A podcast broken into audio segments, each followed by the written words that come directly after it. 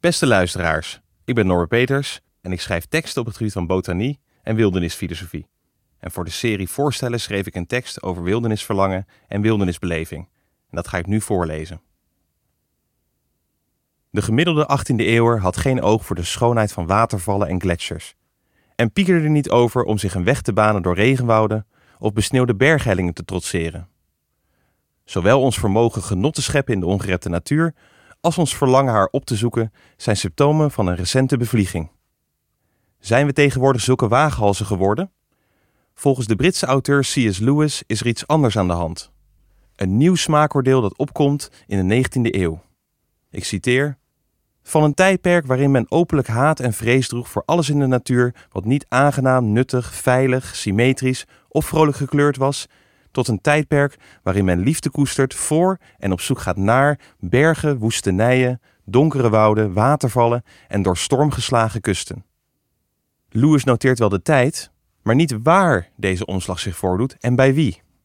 Dat doet de Amerikaanse milieuhistoricus Roderick Nash wel. In zijn klassieker Wilderness and the American Mind wijst hij de stad en haar inwoners aan als de geboorteplek van wilderniswaardering. Dat is niet zo vreemd. Tegenwoordig ervaart menig stedeling nog steeds een vervreemding van de natuur. Oerbossen, uitgestrekte toendra's, maagdelijk witte sneeuwvlaktes en andere voorbeelden van ongerepte natuur vind je enkel nog ver buiten de bebouwde kom. In de stad oogt de menselijke invloedssfeer totalitair. Zodoende verlangt de burger naar haar antipode, de ongerepte natuur. En de markt speelt slim in op dit wildernisverlangen.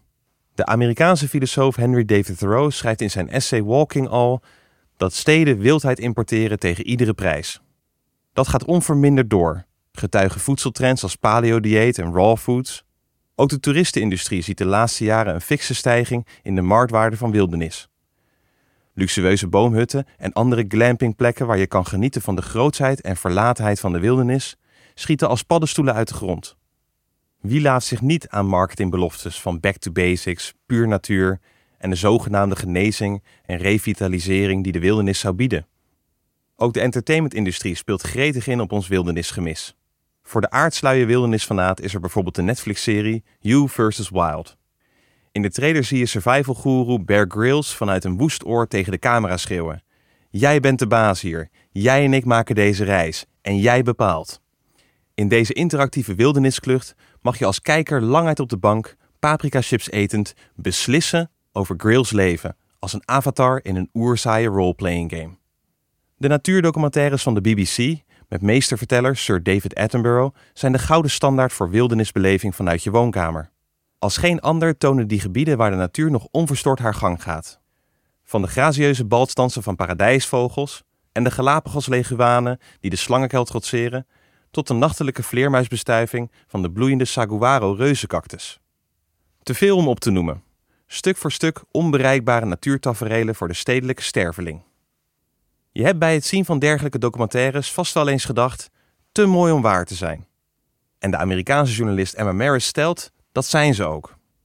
Maris schudt de argeloze toeschouwer wakker uit zijn wildernisroes. De natuur die je in documentaires ziet is nep. Maris laat zien hoe A Perfect Planet, de nieuwste natuurserie van de BBC die onlangs uitkwam, zorgvuldig werd georchestreerd. Maris begint bij het geluid. Van de orkestmuziek die het geheel voorziet van een episch sausje, tot de muziek die het diergedrag begeleidt. Alles heeft een sturende functie. Met je ogen dicht hoor je vaak direct of er sprake is van een hofmakerijscène of een achtervolgingsscène. Zelfs verschillende omgevingsgeluiden en diergeluiden blijken later toegevoegd. Ook op visueel vlak wordt de toeschouwer beduveld. De cameralensen zijn van militaire kwaliteit. Zo'n kraakhelder beeld krijg je met het blote oog nooit te zien. Maar denk ook aan vernuftige cameratechnieken, zoals slow motion en timelapse. Er is zelfs een nieuwe camera ontwikkeld waarmee je tegelijkertijd boven en onder water kan filmen. Volgens Maris schoten de natuurdocumentaires ons zo een hyperreëel kunstwerk voor. De belangrijkste misleiding is volgens Maris de afwezigheid van de mens. Ik citeer: Bijna alle scènes in series zoals A Perfect Planet vinden plaats in een vaag gespecificeerd geografisch gebied. En alle wegen, hekken, gebouwen en sporen van de cameraploeg zijn nauwgezet buiten beeld gelaten. Maris toont zich een volgeling van de milieuhistoricus William Cronin. In zijn essay The Trouble with Wilderness betoogt Cronin dat wildernis geen laatste heiligdom van ongerepte natuur is, maar een complex cultureel construct.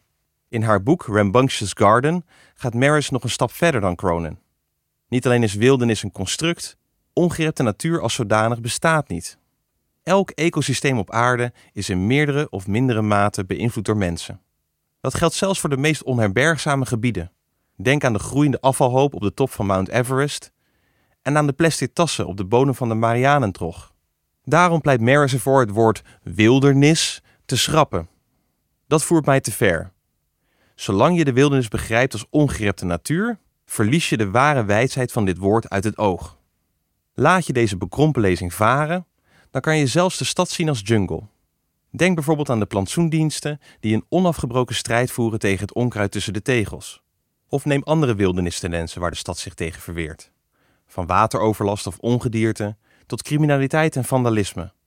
En dan zie je, de wildernis roert zich overal als datgene dat zich continu tegen onze beheerspogingen verzet.